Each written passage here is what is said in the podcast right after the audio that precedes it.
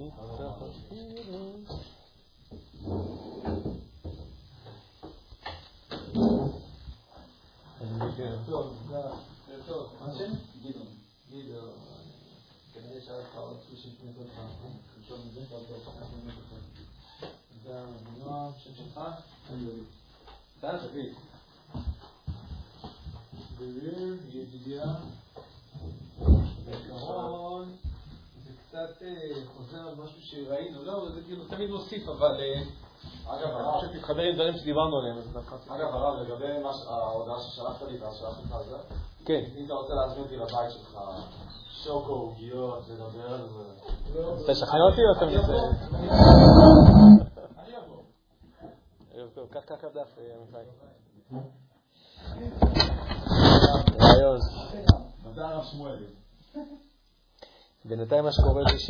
הנה, הספקתי לפתוח. עוד פעם השם? דניאל לא? לא. גדעון. אה,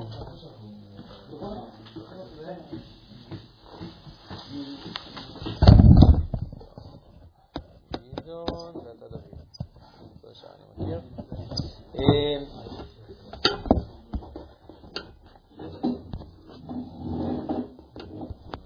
בינתיים קלטתי שבשבתות אני בדרך כלל מזמין חבר'ה מהתוכנית, אה, מהתוכנית חוץ. אה, משפשפים את האנגלית שלנו בבית ככה קצת. אז אה, טוב, ערב טוב לכולם, לכל החדשים גם, חדשים שנבואו באפיסו, אני מי שעוד לא מכיר, לא אותי. וואי, אני לא זוכר את הסדר אבל. אתה לא לא הכנתם רשימה? שם מעביר, כן, זה אני מכיר בעצמי. שלום, לי קוראים שמואל גוסברגר, אנחנו נמצאים בסדרת השיעורים הנחשקת ואתה תמשול בו. היום אנחנו הולכים ללמוד על ניצחון פירוס, אם אתם לא יודעים מה זה, תישארו עד הסוף. אמ, אנחנו בכ' חשוון, וזהו השיעור ה... לדעתי שבע, שבע, שמונה או שש. עד כאן החלק הראשון. שמונה? שמונה, ללא ספק. ואני מכריז עליכם. אה, אוקיי, שלום הרב. שלום הרב. אמרו לי שאחרי התמודדות עם ניצחון או יצר מרגישים תחושת סיפוק והישג, משום מה אני לא מרגיש ככה, אלא ממש הפוך. אני מרגיש חוסר סיפוק וחוסר כוח. שיש לנו להבין. למה זה קורה? אז אני, אני אומר, התשובה שאנחנו ניגע בה היום, אה, סליחה, היא נגמרו הדפים, תשתמש יחד עם אבינועם. אה, אז התשובה שאנחנו ניגע בה היום היא מתוך החוברת, היא קצת כאילו לקחה איזשהו צעד אחורה, כי בשני המפגשים האחרונים כבר למד, דיברנו ממש על השיטה, והתלבטתי כבר להמשיך לתשובות שמדברות עוד יותר בהרחבה על השיטה. אה, אבל כן, אני עושה רגע איזשהו סטפ אחד אחורה, צעד אחד אחורה, אה, כי זה, ראיתי שפתאום זה חוזר גם על מושגים שדיברנו עליהם גם בשיעורים אחרים וכולי, ויש פה משהו שמלכד, אה, ואז אנחנו כאילו טיפה רגע רוורס, ואז נעשה עוד פעם צעד קדימה. אה, טוב, זה נכון אגב על הרבה דברים, על מה שכתוב כאן. זאת אומרת, בהקשר פה זה מדובר על התמודדות, שוב, אם זה התמודדות עם יצר האריות, אז זה נושא ספציפי, באופן כללי, אדם שמנסה להתגבר, לשלוט ביצרו, למשול ביצרו. אז השואל שואל, אני אמור להרגיש סיפוק, אני אמור להרגיש הישג, בפועל אני מרגיש בדיוק הפוך. אני מרגיש חוסר סיפוק ואני מרגיש חוסר כוח. כן? נראה לי זו תופעה מוכרת. אני רוצה לנתח למה הדבר הזה קורה.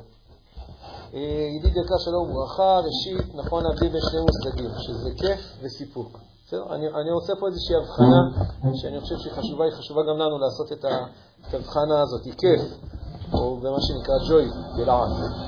תחושת הנאה. והנאה זה דבר שהוא נצרך בחיים. הערה למטה, אתם יכולים להסתכל תשובה אחרת. לפעמים גם כיף לנו לקיים מצווה. לדוגמה, אם אנחנו נוצאים איזשהו חיים של מישהו, אנחנו נרגיש בעננים. לפעמים אנחנו לא מרגישים תחושה כזאת בעקבות אה, עשיית מצווה, אנחנו לא מרגישים היי כשאנחנו לא לובשים כליים, או אולי אנחנו לובשים תפילין, גם לא מרגישים איזה היי. ולפעמים גם אפילו יקרה הפוך, אנחנו נרגיש אי נעימות כשאנחנו מקיימים מצווה. לדוגמה, כשאתם תקראו את זה בצבא, כשכל החבר'ה הולכים לאיזה בילוי מפוקפק, והופלי, אנחנו לא, או במקרה שלנו בהקשר הזה, התמודדות עם יצר האריות, יכול להיות שבן אדם ירגיש גם אי נעימות. אז אני, אני מדבר רגע על המילה כיף, או שנייה נדבר על המילה סיפוק. אני רוצה להבחין, זה שני מושגים. אה, העיקרון הוא, עלינו צריכים לבנות את החיים שלנו כך שהצורך בהנאה לא קובע אם אנחנו מבצעים את הפעולה או לא. כמה אני אומר את המשפט הזה עכשיו בבית ספר, כאילו בבקרים. לא, האמת שאני לא אומר אותו מספיק, אבל אני, אני, עכשיו אני קולט אותו ואני צריך להתחיל לפמפם אותו, גם לעצמי וגם לתלמידים. אבל זה לא כיף לי, אבל לא בא לי. נראה לאותם תלמידים שבכיתה ו' שנמנה אותם בבוקר, שאם לא כיף לי ולא בא לי, זה נשמע כמו סיבה הגיונית, למה לא לעשות? ואני יכול גם להגיד, אבל אתה תעשה בכל מקרה, אפשר גם לדבר על הערך שנמצא פה מאחורי.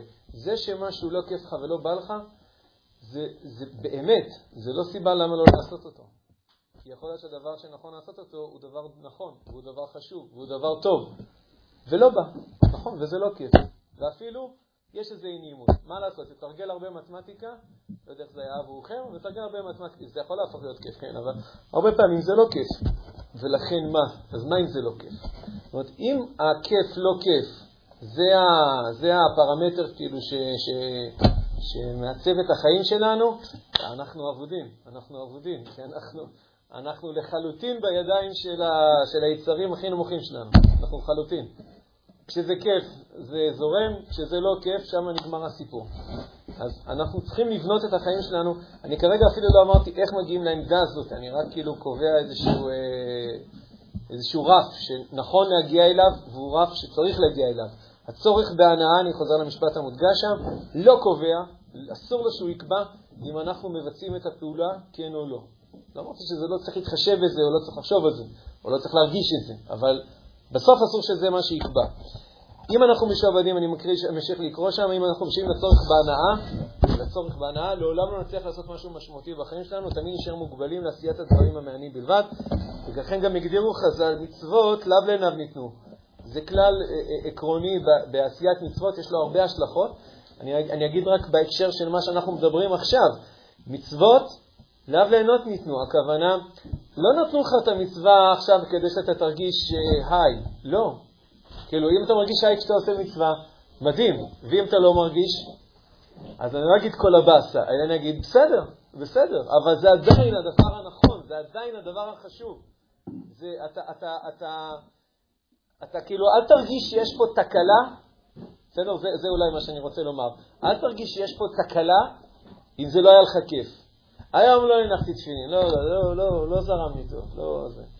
לא, לא, אז לא הבנת. לא, לא ככה, לא ככה קיבלת את מצוות תפילין. אני לא אומר, אדם יקיים, לא יקיים, זה סיפור שלו.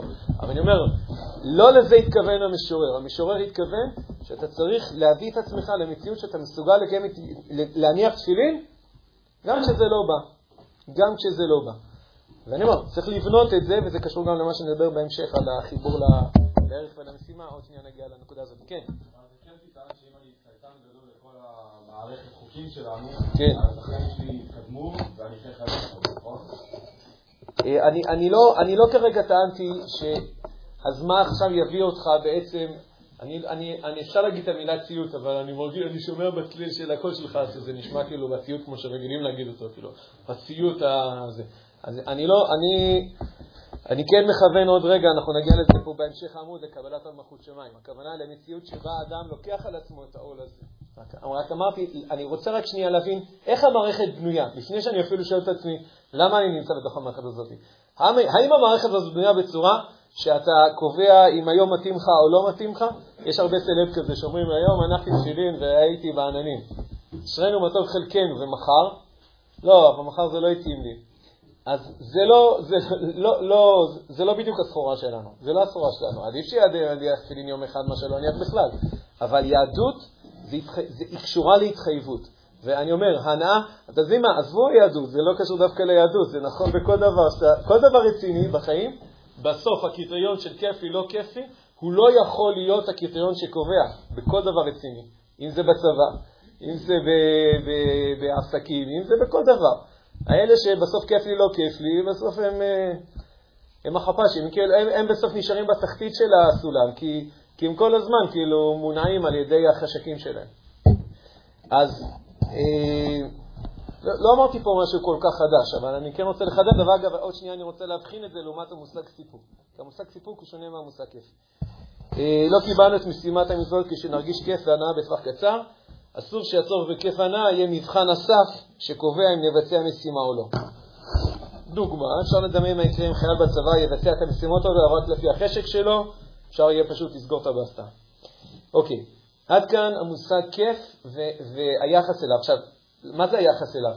אין פה בירור שלם ביחס למושג כיף, כי אפשר היה לומר, אז כיף זה בכלל אין לזה שום משמעות, כאילו, אם זה בכל מקרה לא הקריטריון. אז אולי זה לא, בכלל לא קריטריון, כאילו אין לזה שום משמעות. אז, אז, אז מי שחי יהדות, מי שחי משימה, עזבו היהדות, אמרתי, זה לא דווקא קשור ליהדות, אז זה אומר שהוא נידון לחיים נטולי כיף? האם זה אומר שלכיף אין משמעות בחיים כאלה? הבאתי פה כמה משפטים. לא בהכרח.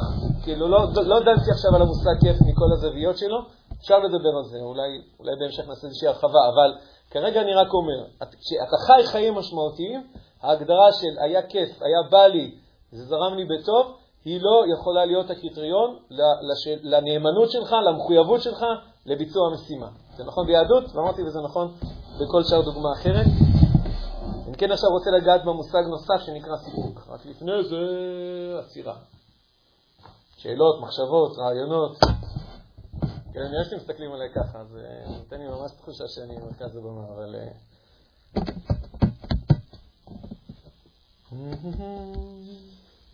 טוב, בסדר, מעולה. זה בגלל שלא נשאר על מה לשאול, כאילו, הכל כאילו ברור, הכל נמצא, אז מה, מה נשאר? אוקיי, לעומת זאת, סיפוק ומשמעות, או באנגלית או ביידיש. אני לא בטוח ששניהם, כן, satisfaction זה כן, זה סיפוק, ו meaning זה משמעות, כן, זה כאילו, כאילו, שתיהן הן קצת מדברות, לא קצת, מדברות עקרונית על משהו טיפה שונה, אז סיפוק זה משמעות, זה תחושות שמלוות בהכרח, אוי, זה בדיוק מה שהרב כותב בעונג והשמחה, עכשיו אני קולט שזה בדיוק כתוב כאן. זה תחושות שמתלוות בהכרח להשגת מטרה חשובה. הסתערות על משימה רצינית, מאתגרת משמעותית, גם כשהיא קשה והיא לא כיפית, היא אמורה ליצור תחושה של סיפוק ושל משמעות. פה כן זה צריך להיות. והרב קוק כותב את זה, אני פתאום אמרתי, אוי, זה ממש משפט של הרב קוק, ואז כנראה שבאמת ציטטתי את זה. רואים הערה שלוש, פתיחת מאמר העונג והשמחה על הרב קוק. העונג והשמחה הם דברים מוכרחים להיות מתלווים על כל עסק רוחני. כאילו עונג ושמחה, שבהקשר שלנו זה כאילו, אפשר להחליף את זה במובן מסוים במילים סיפוק ומשמעות, זה צריך להיות. ואם זה חסר, אז צריך רגע לעשות סטופ ולבדוק רגע מה לא עובד פה נכון. אתם מבינים את ההבדל? אם לא היה כיף, בסדר, לא היה כיף. אגב, זה לא חייב להיות שזה לא יהיה כיף. אתם יודעים, כשעושים בצבא, מסדרים את כל האוהל, את כל המעל או משהו, שמים מוזיקה, עושים כל מיני דברים. כדי שזה יעבור יותר בכיף. אדם שוטף רצפה, הוא יכול לעשות את זה כאילו ככה כמו זה, יכול לשים מוזיקה ולהרגיש יותר נעים, וסבבה. זה לא חייב לסבול, זה, זה לא, אין עניין בלסבול. רק השאלה אם כיף לך, לא כיף לך, זה לא הקריטריון לביצוע. הרעיון הזה מובן. אבל סיפוק ומשמעות זה משהו שכן אמור להיות מתלווה, זה כן תולדה, זה צריך להיות לפני, זה צריך להיות יותר חזק אחרי, כתוצאה מזה שאתה עושה משהו חשוב. ואם זה לא קורה, אז כן כדאי לעשות רגע איזושהי עצירה, לא דווקא עצירה בביצוע, אבל כן לעשות איזושהי חושבים ולהגיד, רגע, מה קורה פה? כי אם אמרתי, אם זה לא היה כיף, לא צריך לעשות עצירה. אפשר לומר, אולי אפשר לעשות את זה יותר נעים, זה, זה לא, אמרתי, לא חייבים לסבול. אבל אם זה לא היה כיף, אז בסוף זה לא היה כיף, בסדר, תרגלתי מתמטיקה ולא היה לי כיף. אני לא אומר, איך זה קרה? בסדר, זה קורה. אבל אם אני אומר, אה, אה, עשיתי שירות והרגשתי שזה היה בזבוז זמן אחד גדול, זה לא טוב. זה לא טוב. להגיד היה לי קשה, זה אני יכול להבין. להגיד, זה היה בזבוז זמן, אני לא רואה בזה שום משמעות, זאת בעיה. זאת בעיה שצריך לפתור אותה בהקדם האפשרי, כי זה יכול להעיד על כמה דברים שעכשיו אני הולך לנתח שניים מהם, מה הסיפור, מה, מה יכול להיות שהסיפור פה שמאחורי הקלעים. רק בעצם, בעיקר מה שרציתי קודם כל לעשות זה להבחין בין המושגים, בין כיף לבין uh, סיפוק משמעות, ולהגיד, כיף לא בהכרח תמיד יופיע במשימות החשובות, סיפוק ומשמעות כן אמור להופיע. ואם הוא לא מופיע, אז, אז צריך לבדוק מה הבעיה, בסדר? אוקיי, זה בעצם סיכום עד עכשיו. כן. אני אוהב שאלות ספונטניות, אפילו עוד יותר טוב מאשר העציות המלאכותיות. לא יכול להיות סיפוק מדברים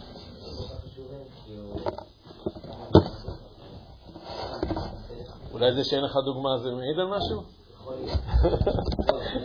לא, זה יכול להיות שגם יש לך בעיה בשטיפה כמו שלי יש, אבל אה, אה, האם משחק בפלאפון נותן לך תחושת סיפוק? הוא נותן לך תחושת סיפוק? נראה לי שהוא נותן לך תחושת כיף, זה כאילו, אני אומר. אולי לא מבדיל בהם מספיק נכון, בגלל זה היה לי חשוב להבחין בין שני המושגים האלה. לא, זה נותן לך תחושת כיף. האם אתה מסיים את המשחק ואתה אומר לעצמך, וואו, ניצלתי את הרבע השעה האחרונה בצורה כל כך מיטבית. כן? אתה יכול להגיד נהניתי, נהניתי, זה נכון. והנאה מבחינתי זה אחלה ניצול זמן. אוקיי, אז יכול להיות שאם לרבע שעה אתה נהנה ומבחינתך זה מסתובב לך בתוך היום, אז זה סבבה. אבל אם עכשיו עשית את זה יותר, עשית את זה בכיוון יותר כיוון השלוש שעות. אבל... מעולה, מעולה. מה שאתה אומר... לא, אבל זה יכול לקרות לי גם כשאני מראה שמונה שעות ברצף.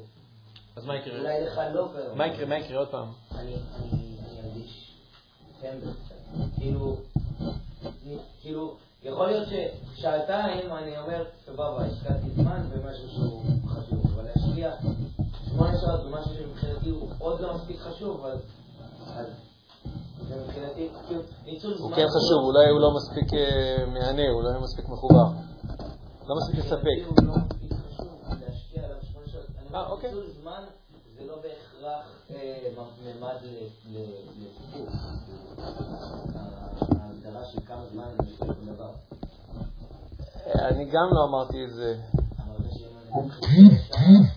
אה, לא, התכוונתי לומר מה שקורה, אלא אם כן זה המקצוע שלך לשחק, אבל אה, יש כאלה אנשים. אה, יודע אם זה שייקו זה מקצוע. כאילו, הם עושים יותר כסף ממני, כן, כן, הם עושים יותר כסף ממני, לא, בהקשר הזה, לא, זה ללא ספק. אה, עזוב שנייה את הנקודה, עזוב שנייה, עמיחי, עמיחי, מה שהתכוונתי לומר זה דבר כזה.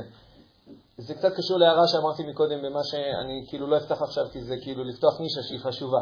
האם להנאה למושג ג'וי, יש מקום לחיים, בחיים של אה, משמעותיים.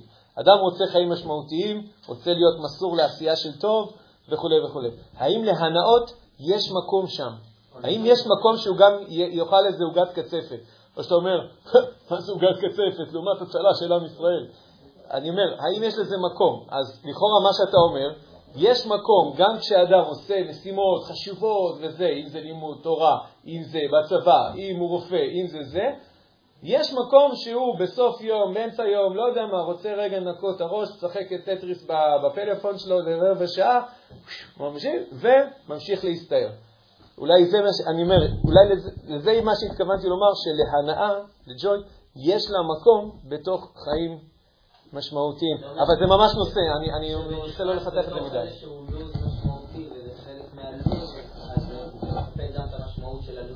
נכון, נכון. ואז, ואז יש לזה ערך גדול, ואז, ואז הפוך, יש לזה ערך גדול מאוד. הרמב"ם אומר את זה, ואז הרמב"ם אומר את זה ביחס לבכל דרכיך דיו, יש לזה תשובה מפורשת. עוד פעם נכנסתי לענייני מכירות. שהיא מדברת על הנקודה הזאת, מה הערך של כיף בתוך חיים של משמעות, אז אני אומר, קודם כל בן אדם נמצא בכלל במצב שהוא צריך לבחור איזה חיים הוא חי. הוא חי חיים של כיף, הוא חי חיים של משמעות. אנשים נמצאים קודם כל במאבק הזה. זה, זה המאבק, למה זה המאבק? כי זה המאבק. לא, כי זה בדרך כלל המקום שאנשים נמצאים בו. מה זה? אה, לא, לא, לא אמרתי שאתה לא יכול למצוא במשמעות כיף. נכון, אבל הרבה פעמים הם לאו בהכרח יהיו ביחד. זה כמו שאמרתי, מצוות לאו ליהנות ניתוב. יכול להיות שאדם יניח תפילין והוא ירגיש כאילו שהוא נוגע במלאכים? יכול להיות שאדם יניח תפילין והוא ירגיש שקופאת לו היד עכשיו, כי הוא נמצא בחוץ בשטח ועכשיו התחיל חורף, והוא סובל. אני אומר, הרבה פעמים השאלה, אבל זה פחות קשור להנחת תפילין, זו שאלה איזה סגנון חיים אדם חי. האם אדם מצליח להתמסר לעשייה של משהו משמעותי? זה פחות הנושא של התשובה כאן עכשיו, זה כן תהיה תשובה בהמשך, בסדר? אז אני ארחיב את זה כשנגיע לשם. בסדר, השנייה, סגר, שנייה, סגרתי רגע פה, סגרתי, לא יודע אם סגרתי, אבל uh, נשאיר נורית, נורית מהבהבת, אנחנו נגיע לתשובה כזאת, ידידיה שחיכה בסבלנות. אתה רואה? רק מחכים כמה דקות, והכל נהיה בסדר. פלפל להרבה דברים, סתם, סתם, סתם, צוחק. אם תזכר בהמשך, אתה מוזמן. אוקיי, טו טו טו טו טו, מתוך בירור המושגים, אוקיי, מתוך ברור המושגים, בסדר, חזרנו לעצמי, מתוך ברור המושגים, אנחנו חוזרים לשאלה. אם אדם לא חש הנאה כשהוא מתגבר על יצרו, לדוגמה, בהקשר של הנושא שלנו, מצב סביר לחלוטין. אבל אם הוא לא חש סיפוק ומשמעות, זאת בעיה דורשת בירור בהקדם. כן? זה אמור להיות שם, ואם זה לא נמצא שם, אז זה בעיה. ולכן אמרתי, לכן אני רוצה להבדיל בין המושגים. כי להגיד, זה לא היה לי כיף, בסדר, זה לא כיף, נכון. להגיד, זה, אני מרגיש שאין לזה שום משמעות, או אני, מרגיש שום, אני לא מרגיש שום תחושת סיפוק, אם אדם יודע להבחין מה ההבדל בין סיפוק להנאה, אז פה זה, פה, זה, פה זה נורית אדומה. זה נורית שנדלקת וצריך לבדוק כאילו מה הסיבה שהיא נדלקה. ולמה היא יכולה? אני יכול להיות לזה כמה סיבות. אני רוצה לגעת פה בשתיים מהן. אחת ששתיהן מאוד נפוצות. יכול להיות שיש עוד סיבות. יכולים אולי להביא גם סיבות שלכם. אני רוצה רגע להפגיש לכם שתי סיבות שאני, לפחות אני חשבתי עליהן. אחת, שהיא ממש קשורה לדברים שדיברנו, חוסר חיבור לערך הפנימי ולמטרה הסופית. ושתיים, מושג שלא, אני המצאתי אותו, מושג שנקרא ניצחון פירוס. פירוס או פירוס, אני לא יודע איך להגיד את זה, נגיע לזה עוד שנייה ואז נראה מה זה ניצחון פירוס. אחד, חוסר אה, חיבור בלתי מספיק לערך ולמטרה. חזרות על דברים שכבר דיברנו, למשל מבריק של המגיד בידו באדם שאיבד חבילה יקרה או פרסם בכל פינה. טוב, אני לא אספר את הכל אותם, בסדר? מי שהיה כבר מכיר את זה, אדם איבד את האבדה והוא מגיע, מזיע ואומר, מצאתי את האבדה שלך, טוב, מי שלא שיקרא שנייה תוך כדי שאני זה, ואז הוא אומר לו, זה לא המזוודה שלי, הוא אומר לו, איך אתה יודע שזה לא המזוודה שלי? הוא אומר, כי המזוודה שלי לא הייתה כבדה. נראה שנייה רגע לפאנץ', טו טו טו טו טו טו טו טו טו טו טו. רואים לא הייתה כל כך כבדה? זה היה הפאנץ'. מי שעוד לא קרא אז הרסתי לו. אה, עד כאן המשל. פי מסביר המגיד מדובנא הפסוק בישעיהו, ולא אותי קראת יעקב, יגעת בישראל. כאילו כביכול הקדוש ברוך הוא, אם אתם יגעים מקיום מצוות, אם זה כבד ומכביד עליכם, אז זה לא אותי, זה לא המצוות שלי. כי המצוות שאני ציוויתי אתכם, הן לא מייגעות ומכבידות. זה בדיוק הנקודה הזאת שדיברנו עם קיום מצוות מעיק.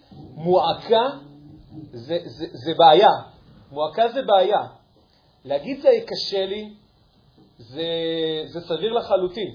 אמרתי, זה סביר לחלוטין, לפעמים צריך לתת לזה גם פתרון, אבל זה, זה, אפשר להבין למה להגיד, זה קשה לי. כשאדם יגיד, אני מרגיש שזה מעיק, מעיק זה סיפור אחר.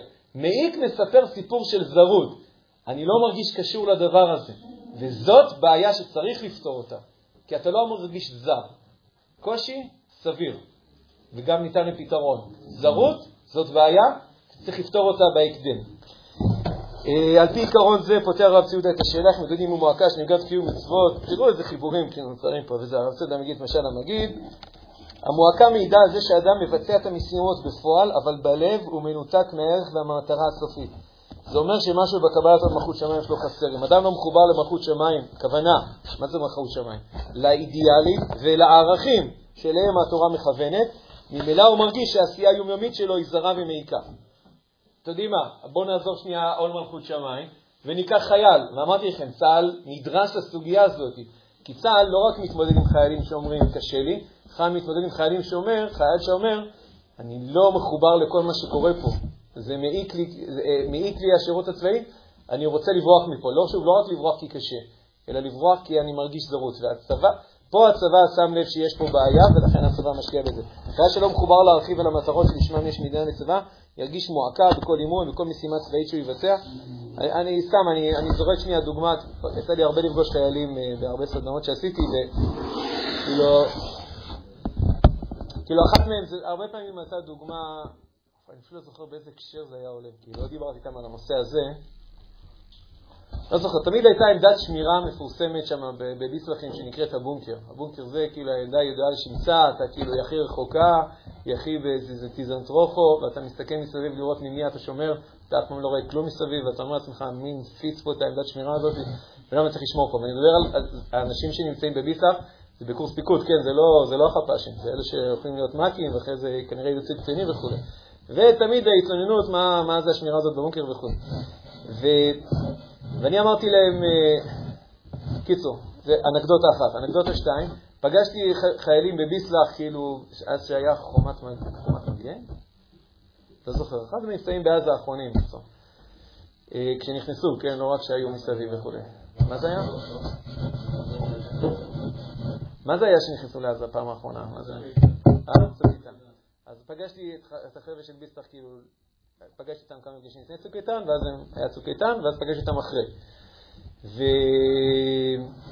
ובעיקרון הם, הם, הם קצת נכנסו לעזה, הם לא ממש וכולי, אבל... ואז שאלתי אותם, תגידו, איזה מסקנות יש לכם, כאילו, אתם עכשיו באמצע הקורס המ"כים שלהם, יצא להם כאילו ככה עם עזה וזה, איזה מסקנות יש לכם ככה מהשטח, כאילו, אתם יודעים, זה הכל תיאוריה תיאוריה, פתאום אתה חווה את השטח, עכשיו זה, איזה מסקנות יש לכם מה, מה, מה, מהמבצע? והייתי בכמה בסיסים ובכמה פלוגות, כאילו, כמעט בכולם, וכמעט בכל מקום תמיד שמעתי את אותה תשובה, כאילו היו להם כמה מסקנות מאוד יפות. אחת מהן הייתה, מי שהתחפשן בביסלח, התחפשן אחר כך בעזה. כוונה, מי שכשעלה עמדת שמירה אמר לעצמו, טוב, נו מה, מי שומר פה, מה זה משנה? כאילו, אז הוא כאילו זרק פה, זרק שם, לא יודע מה, וכולי וכולי וכולי, התחפשן, מכירים את המושג? לפחות זה היה נפוץ.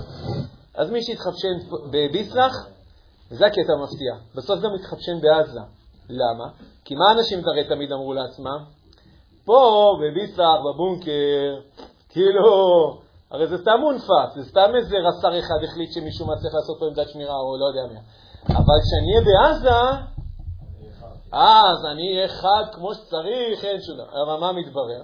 שזה לא ככה. כי, כי גם כשאתה נמצא בעזה, מה נראה לך שאתה שם כל הזמן כדורים שורקים לך מסביב וחמאסניקים רוצים לך מכל הכיוונים? זה לא מה שקורה.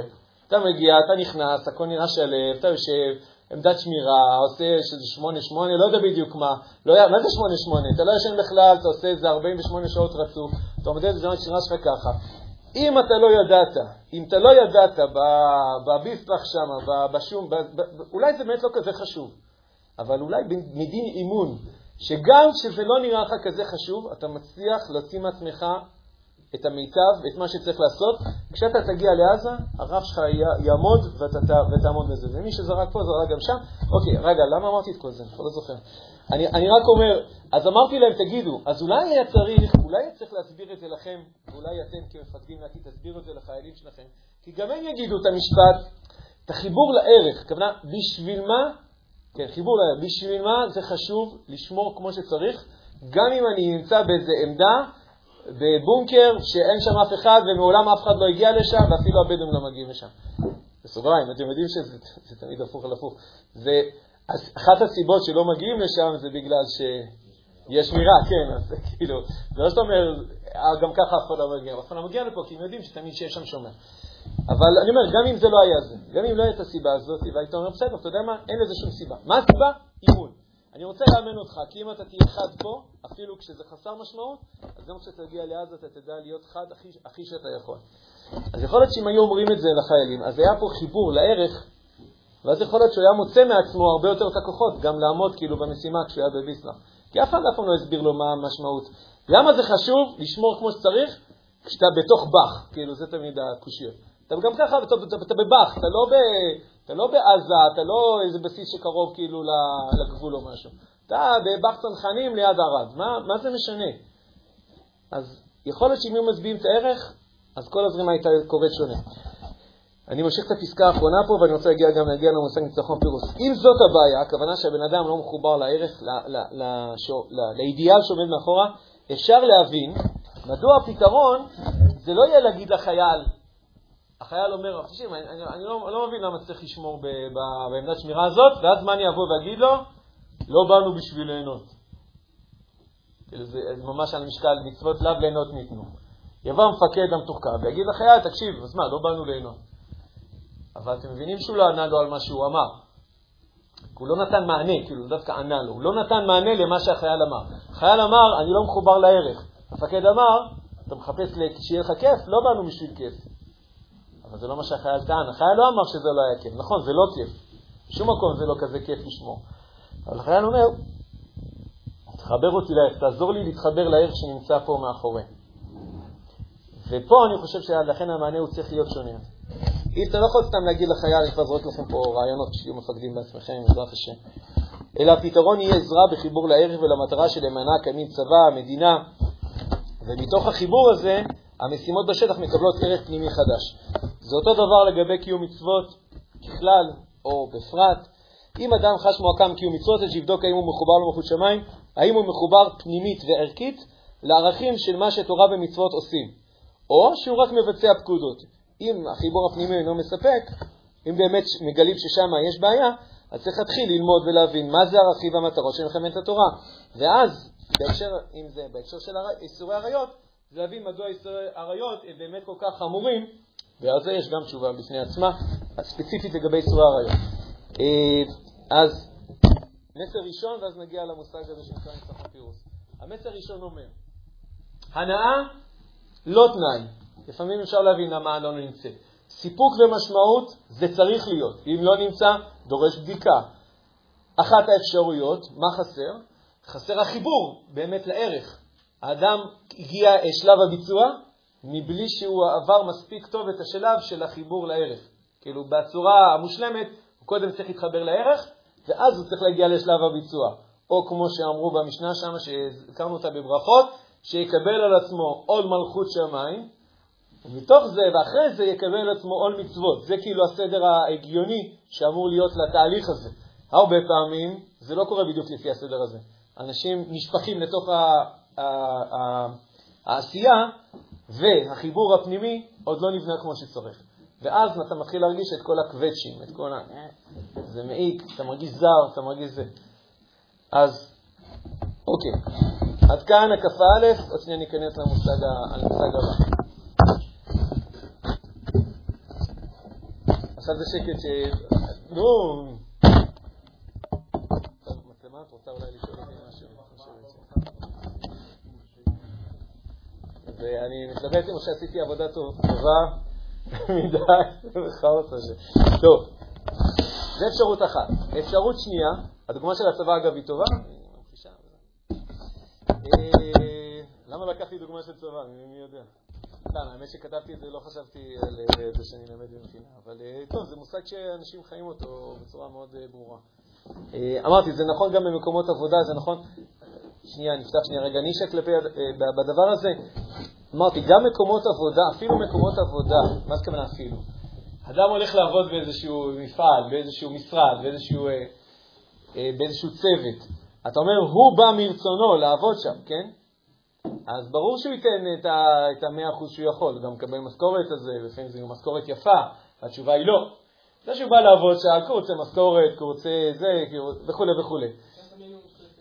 נכון, אבל יכול להיות שהוא ייתן את המינימום. זאת אומרת, מקומות עבודה לקח זמן עד שהם הבינו שלעשות את החיבור לערך של מה שאתה עושה, זה התפקיד של מקום העבודה לעשות. זאת אומרת, הלוואי והעובד היה עושה את זה בעצמו, הלוואי. אבל הרבה פעמים זה לא יקרה. ואז מקומות עבודה משקיעים בדיוק בדבר הזה. יביאו לך איזה אה, מרצה שידבר איתך, אה, אמרו לי שהיה פעם סרטון כזה, אני מניח שיש מיליונים כאלה כבר היום, בזמנו זה היה בודדים, אבל אני מניח שיש מיליונים כאלה על איזה מפעל ייצור אה, אה, להבי מחרשות. בסדר, זה מה שהם עושים, עושים להעביר מחרישות, זה מפעל כאילו. מה זה? אה, אז כן, זאת אומרת, זה נושא די ספציפי. והמפעל כזה דשדש, נקרא לזה וכולי, קיצור. ואז הגיע, התמנה משם מנהל חדש, אז הוא אוסף את העובדים וזה, הוא אומר תגידו, אתם, יודעים מה אתם מייצרים? לא, אבל אתם מבינים מה זה הדבר הזה? מדברים שם מה, מה יש יותר מדי לדבר על זה? ואז הוא התחיל לדבר איתם ולהראות להם תמונות איך משתמשים במוצר, איך משתמשים במוצר הזה בכל מיני מקומות בעולם. והוא מראה להם מספרים, והוא מראה להם, תראו איך משתמשים בזה שם באפריקה ובזה, וכמה אוכל הם יכולים להוציא בזכות הדבר הזה וכו'. בזכות הלהבי המחרשות שלכם שאתם מייצרים פה, בזכות זה יש שם כפרים שלמים שבזכות זה יש להם, הילדים שלהם שם לא גובים ברעב, כי הם קונים איתנו את המוצר הזה וככה הם יכולים להתקיים. זאת אומרת, הוא לוקח כאילו את העובדים, אנחנו נמצאים היום בעולם שהרבה פעמים המשימות הן מאוד אה, מבוזרות, כאילו, הוא מייצר רק את הלאו של המחרשה, הוא לא מייצר מחרשה שלמה ומוכר אותה לעיקר, הוא מייצר איזה חתיכת ברזל מעביר אותה הלאה בפס ייצור. זה כל הקטע הזה של פס ייצור, שאתה בעצם, אתה לא מייצר את המוצר השלם ופוגש את מי שמשתמש בו, אתה כאילו מייצר איזה בורא קטן ומעביר את זה הלאה. ואז, הדבר הקלאסי שקורה, שאתה מאבד את הערך. אז מה המשמעות של הבורג הזה? אין לי שומע שמושג, מעביר אותו הלאה. ופה כן יש לפעמים, הרבה פעמים את הצורך לעשות את החיבור אל התמונה הגדולה. להבין מה המשמעות של הבורג הקטן הזה, של החלק הקטן הזה שאתה עושה, אני רוצה לספר לך איפה הוא בתוך המכלול הגדול. אז זה הבן אדם מסתובב כמו טווס, הוא אומר, אה, אני מייצר איזה חלק שמשתמשים בו לטנק מרכבה. כן, זה חלק מאוד קטן, כן, אבל...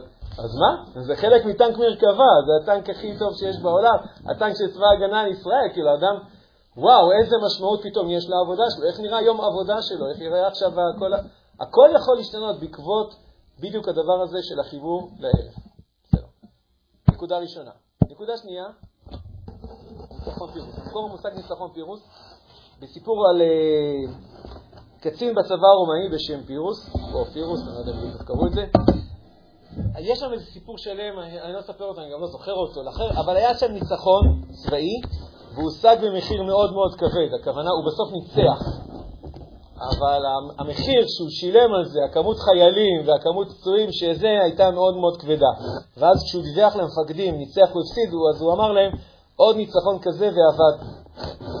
כאילו הכוונה, השגתי ניצחון, אבל המחיר הוא כל כך כבד, שזה בעצם בסוף, אה, זה מעיק, זה מכביד, ובסופו של דבר זה גורם לך להרגיש שאתה לא באמת ניצחת. אה, בנמשל ניצחון פירוס, אז, אז יש, זה ככה היום משתמשים, כאילו, כשרוצים להגיד מושג כזה, זה ניצחון שהושג במחיר כבד כל כך, עד שהמשמעות המעשית בפועל היא בסופו של דבר הפסד. אה, סוגריים, ככה אגב, אה, במובן מסוים, גם הערבים והרבה אנשים במדינת ישראל מסתכלים על מלחמת יום כיפור. מלחמת יום כיפור, למי שלא יודע, מי ניצח? אנחנו. אבל הרבה אנשים מהמדינה, והערבים בקונסנזוס, הם, מבחינתם הם רואים את מלחמת uh, יום כיפור כהפסד. אה, לא, מה הפסד? אנחנו ניצחנו, אנחנו כאילו, ממצב ככה הפכנו את הקערה וכאילו בסוף פתחנו להם את הצורה. כן, אבל המחיר ששילמת, שוב, זו שאלה אם זה נכון להסתכל על זה ככה, אני רק אומר מה קורה בפועל. הרבה אנשים אומרים, כן, אבל המחיר בשבילנו זה כאילו, זה, זה כאילו הופך את זה ללא שווה, ויום כיפור זה לא יום של אה, רוממות, אלא זה יום כזה של חצי דיכאון, אם אתם מכירים. אה, לא, לא, לא יום כיפור הצום, היום כיפור, מלחמת יום כיפור, והערבים לחלוטין רואים בזה ניצחון, סתם שתדעו, לא יודע אם אתם יודעים, הם שלהם, מלחמת אוקטובר, מלחמת יום כיפור, זה סיפור ניצחון מבחינתם, סיפור ניצחון. אה, אנחנו עוזרים להם לראות בזה גם ניצחון, כאילו אם אנחנו בדיכאון, אנחנו עוזרים להם לראות את זה כניצחון.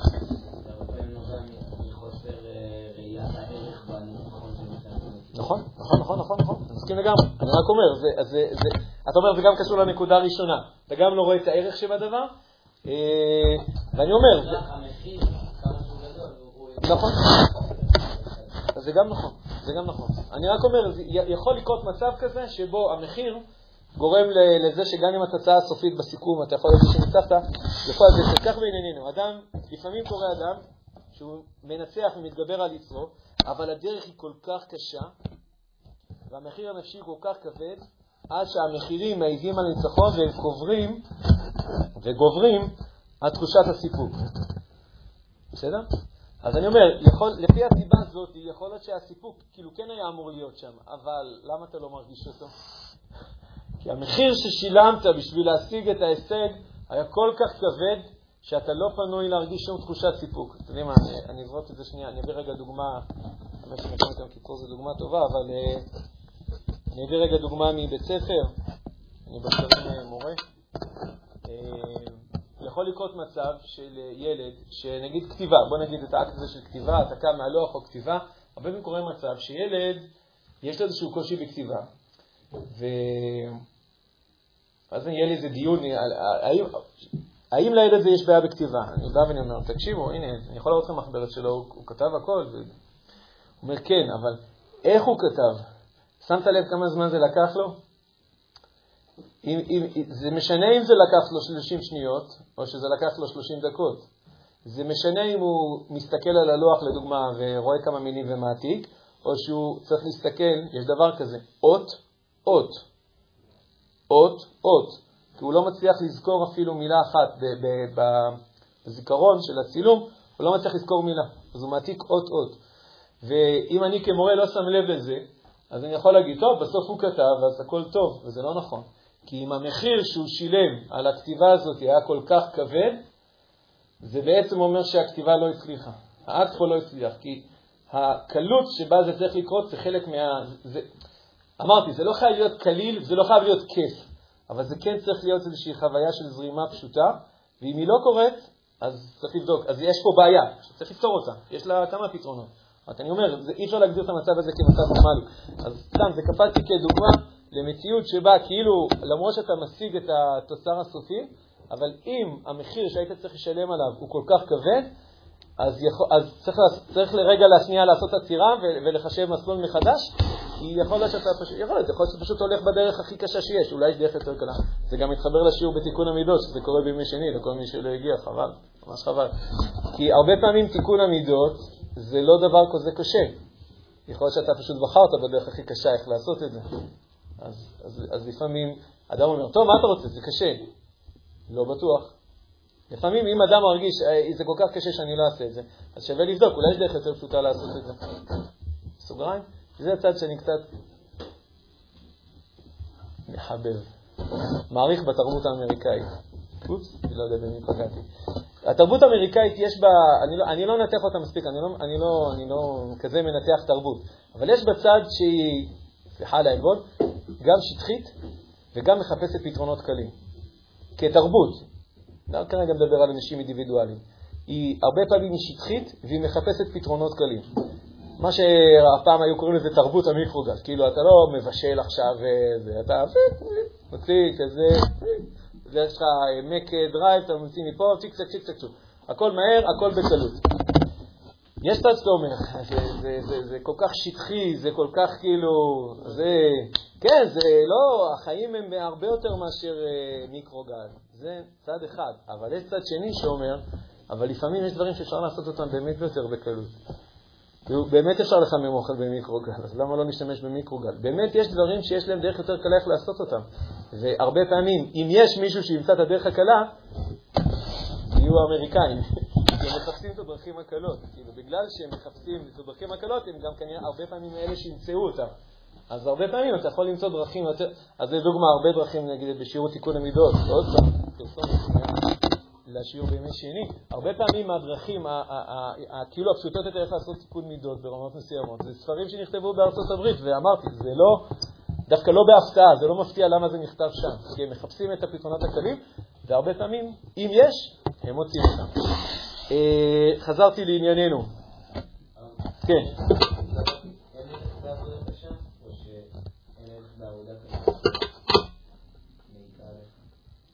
אה, לא חשבתי שתמשיך אחרת. לא אמרתי שאין ערך בעבודה קשה. יש ערך בעבודה קשה כשהיא באמת צריכה להיות קשה. ולפעמים היא לא צריכה להיות קשה. אתה שואל מה, מה, מה בהקשר שלנו? בהקשר שלנו אני אגיד, אם הפתרון שלך להתגבר על היצר, הוא גורם לך למרוט את כל השערות, אז, אה, אז לא יודע, אז צריך לבדוק אם יש עוד פתרון. לא, אתה מחפש עוד פתרון. אתה קונה את החוברת, חבר'ה, זה גרושים, גרושים. אה, צריך לחפש, עיקר הנקודה, אני לא שמעתי, אני פספסתי את הפעם, אבל חייבתי כזה. אה, יש גם פתרונות יותר פשוטים. יותר פשוטים. אגב, הפתרון שפה הוא, הוא פשוט לא במובן הזה שהוא יותר קצר, הוא לא, דווקא לא כזה קצר, הוא יותר ארוך. אבל מבחינת הביצוע של כל שלב הוא הרבה יותר פשוט. אני חושב שהוא גם יותר אמיתי. אז לכן, בעצם בעיקר מה שאני רוצה לומר פה, אני אומר לכל אותם אי שם שנמצאים ושמנסים עוד פעם לדפוק את הראש בקיר, עוד פעם לדפוק את הראש בקיר, והם כאילו, אמרתי, לא באנו ליהנות, כן, מצוות לאו הם יכולים לצטט את המשפטים הנכונים, אבל לא בהקשר הנכון, אבל לא בהקשר הנכון. כי זה נכון שלא באת ליהנות, לא כשהלכת לצבא ולא כשהתחלת לקיים מצוות, זה נכון. אבל אם אתה מרגיש חוסר סיפוק, אם אתה מרגיש שקשה לך ומעיק לך, אז צריך לבדוק מה קורה פה. יכול להיות שאתה לא מספיק מחובר לערך, יכול להיות, ויכול להיות שהשיטה שאתה משתמש בה היא כל כך לא יעילה, שהמחיר שאתה משלם על כל ניצחון הוא בעצם כמעט אומר הפסד. הוא בעצם כמעט אומר הפסד. כי זה שהיום ירדת את העץ הרע שלך, זה לא אומר שמחר אתה תצליח. כי אתה השקעת כל כך הרבה אנרגיה, שביום הבא כבר אתה מגיע מרוקן. או ביום הבא שאתה לא שם לב, זה כמו דיאטות. אתם יודעים, בואו ניקח רגע תחום של דיאטות. שכבר אנחנו משתמשים בהם הרבה פעמים בהקשר של הדימויים, כל זמן שאתה בתנאים הסטריליים, התנאים שלך, אתה מצליח לשמור, אבל ביום שמוציאים אותך מאזור הנוחות שלך, עכשיו זה שבת, עכשיו זו הייתה נסיעה, עכשיו הייתה חתונה, עכשיו היה חג, עכשיו היה משהו, fuck, שם הכל מתרסק לך, כי, כי, כי אתה בעצם צריך הרבה אנרגיה כל הזמן להשקיע, וכשהאנרגיה שלך, נגיד, מופנית גם לדברים אחרים, אז אתה התרסקת שם. אה, רגע, אני רוצה רק להגיד עוד שנייה את הפתרון, כן, לא רציתי רק, אני, אני כן רק רוצה, היה לי חשוב לעשות את הניתוח. אני קרקע בענייני, אני קורא עוד פעם את תחילת הקרקע בענייני. לפעמים אדם מנצח לדבר על יצרו, אבל הדרך כל כך קשה והמחיר הנפשי כל כך כבד, עד שהמחירים מעידים על הניצחון והם קוראים וגורמים לתחושת סיפוק. אם זה לא מספיק, נוסיף על זה עוד שתי פיסות מידע. האדם יודע שההתמודדות הקשה שהוא הרגע עבר, כן, תחגוג את הניצחון. לא, זה לא ההתמודדות היחידה. הוא צפוי לעמוד בהתמודדות הזאת שוב ושוב לאורך כל ימי חייך. זאת אומרת, אם, אם גם ככה זה לא היה מספיק קשה, אז בוא אני אספר לך, זה הגורל שלך לנצח נצחים, אז ממש עכשיו שימחת אותי. אתם מבינים? זה, זה, זה אפילו לא, כמו, לא כל כך כמו אולי כמו בתיקון המידות של הרמב"ם, שאני אומר לך, תקשיב, עוד חצי שנה זה יהיה יותר קל. ראיתי כאלה כמה תשובות שכותבים את זה, לא יודע אם יש לזה מספיק סימוכים. אה, בסוף אני חושב שבחוויה אנשים מרגישים שגם אם ניצחתי היום, אז מה, מחר יש לי עוד פעם את הגיהנום הזה, ומחרתיים עוד פעם, ועוד שבוע עוד פעם.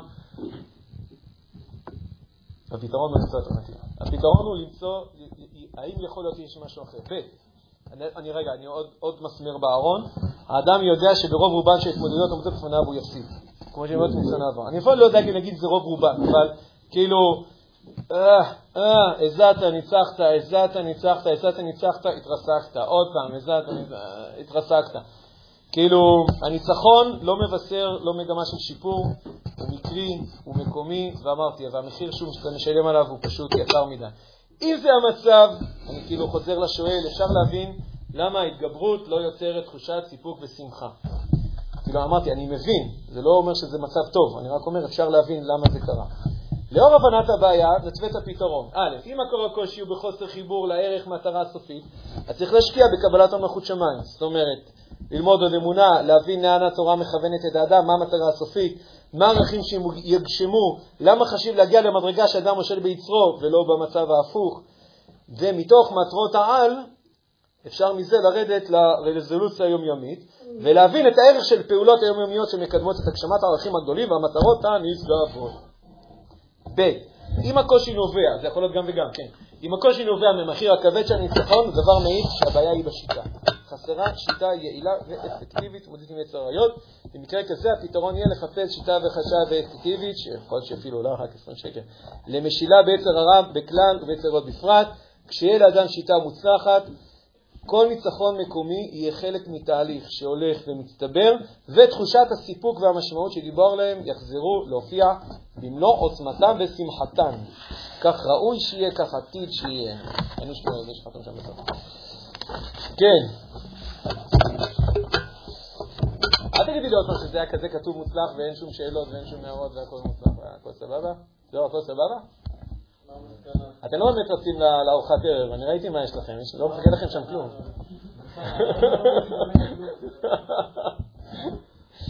ארוחת ערב לאו להנאה ניתנה. אפילו ארוחת ערב. כן, עידו. כן, עכשיו בסעיף א'.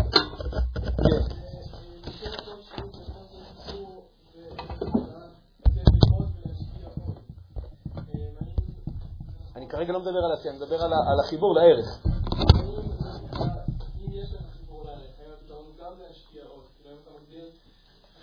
יכול להיות ש... כאילו... לא מספיק חזק. כאילו נגיד אדם נופל רגע. אבל הוא בכל זאת נופל. האם הפתרון הוא ללמוד עוד ולהתחבר עוד? לא. לא, כי אתה הוספת עוד משהו לשאלה, שאני לא אמרתי אותה. אתה אמרת, לא, אני אגיד לך מה הוספת. אתה הוספת אה, על, על, על הצורה שבה הוא מתמודד עם כישלון. איך אמרת את זה? אה? כן, שונא את עצמו, אוקיי. אז זה סיפור נוסף. זה סיפור נוסף שצריך, שצריך להתמודד איתו בפני עצמו. כאילו, איך אדם מתמודד עם כישלון? נו, מה יעשה? אמרתם שאני התכוננתי להרבה אפשרויות, זה מופיע שם, לא ברצינות. איך אדם מתמודד עם כישלון? גם בנושא של הרעיון, אגב, אמרתי לכם, זה נכון על כלל הנושאים בחיים. איך אדם מתמודד עם הסוגיה של כישלון, שפשוט בסוגיית עריות זה, זה, זה עסק נפוץ. אז, אז, אז זה משהו שדורש אה, אה, טיפול בפני עצמו. אני, אני לא אגיד לו, תקשיב, תלמד עוד יותר את הערך של מה שאתה עושה. כל, כל דבר צריך להיות על, ה, על, ה, על המשבצת שלו. אם הנושא זה בן אדם לא מספיק, תקשיב, אני לא מבין, לא מבין אותך למה זה חשוב, לא יודע למה יש את השיעור הזה, בוא נדבר על שיעור אחר. אז פה אני הייתי אומר, צריך לדבר על מה זה, מה זה עול מלכות שמיים, מה זה מצוות, מה זה מצוות עריות, למה איסור עריות הוא כל כך חמור. הייתי בונה איזשהו מבנה, גם זה, גם זה מדובר שם. זה אגב רוב החלק שדילגתי עליו, התשובה הזאת היא לא מהראשונות, היא כבר יותר מהאמצע, כי כבר הגענו קצת כאילו לנקודות הפרקטיות. אה, ואם בן אדם יש לו קושי בהתמודדות שלו עם, עם הכישלונות שבדרך, אז זה נושא בפני עצמו שצריך להתמודד איתו. אני, אני עידו, דווקא בגלל השאלה שלך, אני עוד שנייה אתן לך, אה, אני, אני, אני מאוד לא אוהב שמנסים לקחת פתרונות שמתאימים לפה ומנסים להדביק אותם לפה, כאילו. אני לא אומר את זה כלפיך, אני אומר את זה כלפי מה שהרבה פעמים אנשים עושים או מה שאנשים... אדם אומר, תקשיב, אני קרוע, אין לי כוח, אומר לו המשיב, שבע יפול צדיק וקם. יש לזה תשובה בספר שאני כמעט נכנס כאילו בזה. הכוונה, המשפט הזה הוא נכון, אבל הוא לא נכון למה שהוא שאל אותך, זה לא נכון למה שהוא היה צריך לשמוע עכשיו. כי שבע יפול צדיק וקם, הרעיון הזה, שזה זה, זה קשור לנושא של סוגיה של איך מתמודדים כישלונות. אמרתי, בנושא הזה, או בכל הנושאים. זה משפט שבעצם נועד להגיד לבן אדם, הבן אדם חושב שאחרי פעם, פעמיים העסק ייפתר. בא משפט ששבע יפול צדיק וקם, זה פסוק משנה, ואומר לו, תקשיב, זה לא מה שקורה. זה יקרה לך עוד פעם, עוד פעמיים, עוד עשר, עוד שבעים. צדיק זה אחד שיודע ליפול שבע פעמים ולקום. אגב, לא רק צדיק, גם ביל גייטס יודע ליפול 700 פעמים, 7,000 פעמים ולקום, ובגלל זה הוא הפך להיות ביל גייטס. ביל גייטס הפך להיות אדם מאוד עשיר ומאוד משפיען, לא בגלל שהוא נכשל פחות פעמים מאנשים אחרים, כמו שהאנשים הלא מצליחים חושבים. האנשים הלא מצליחים חושבים שהאנשים המצליחים, למה הם הצליחו?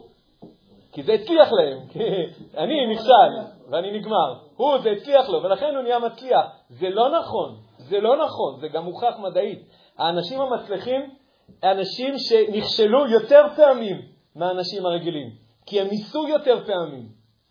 אז למה הם בכל זאת אנשים מצליחים? יש לזה כמה סיבות, אבל אחת מהן, כי הם מתמודדים עם כישלון בצורה אחרת ממה שאנשים הנכשלים מתמודדים עם כישלון. יש להם צורה אחרת שבה מתמודדים עם כישלון. אז הרעיון של שבע תקפול צדיק וקם הוא, הוא, הוא חלק מקומפלקס של איך מתמודדים עם כישלונות, וזה גם, זה אחד הרעיונות. זה לא כל מה שיש לומר לגבי יחס לכישלונות. יש לזה הרבה מה להגיד. ולכן אם אני משתמשים בפלסטר מפה, או ברעיון מפה, ומנסים להדביק אותו לפה, כדי, והבן אדם ימשיך את השיטות הלא אפקטיביות שהוא משתמש בו, אז, עשית, אז אני הייתי אומר, אתה עושה לו עוול. אתה עושה לו עוול. כי, כי, כי אני הייתי אומר לו, תשנה שיטה. תשנה שיטה, אתה דופק את הראש בקיר. אתה דופק את הראש בקיר, אתה לא רואה שזה לא יעיל?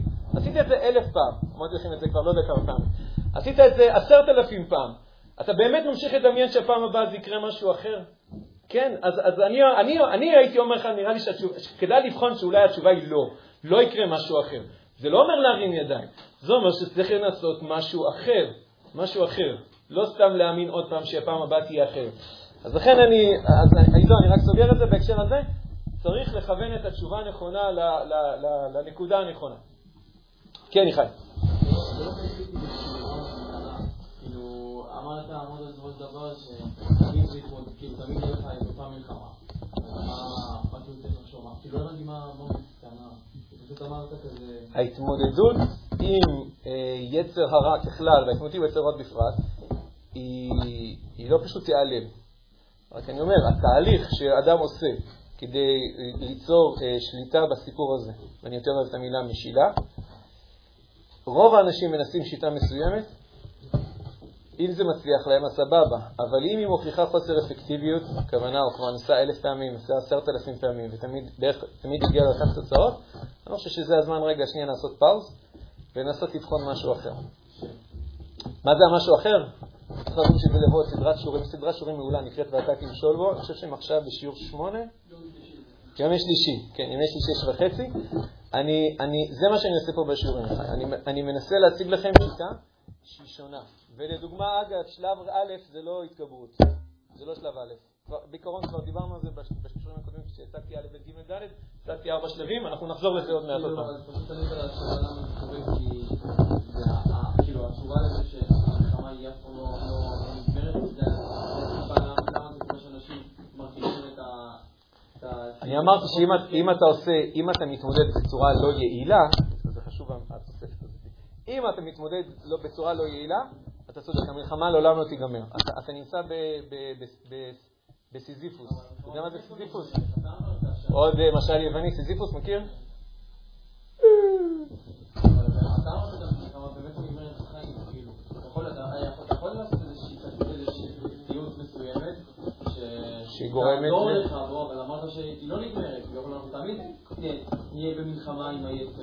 אתה, יש הבדל בין אם אתה נמצא במצב שבו 99% נגדך ואתה רוב הזמן מפסיד, לבין מצב שבו 20% אתה צריך להתמודד ואתה רוב הפעמים מנצח, ואתה עושה את זה אפילו די בקלות.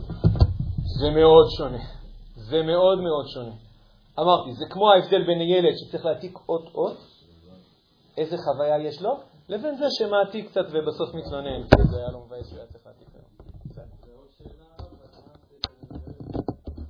וואו, זה לא היה מובן. רואים? שיטה למשילה בכוחות הנפש, זה תשובות מהספר. זאת אומרת, אני לא אני לא מביא את כולם, אני אשים. כן, אתה יכול להוציא קונפטי כזה, שאף צריך לעשות? כתוביות למטה, מספר טלפון שרץ כזה. בשיעור. אה, א', כי אתה יכול לראות את התשובות מהסוף, אתה לא צריך לחכות עכשיו עד סוף שנה. אה, ב', כי סתם אמרתי, נו עמיחי, למה שיקנה את הספר? שיהיה אוכל לילדים, זה אוכל לילדים. זה גם מפנה לי מקום בבית, למרות שכבר לא נשאר הרבה. אה, סתם, אני אוהב ספרים שהם טובים. אני חושב שהמהדורה הבאה תהיה עוד יותר טובה, אבל... אה, לא, אל תחכה, לא ראית את זה. אין לי מושג מתי- מתי תהיה המהדורה הבאה. המהדורה הבאה היא בעצם הולכת ונוצרת יחד איתכם, אני אומר לכם דוגרי. אני פשוט אה, תוך כדי איתכם, אני לומד את זה ואתם אומרים... אה, בטח, ותודה לי' ולי' ולא' ולד' ול...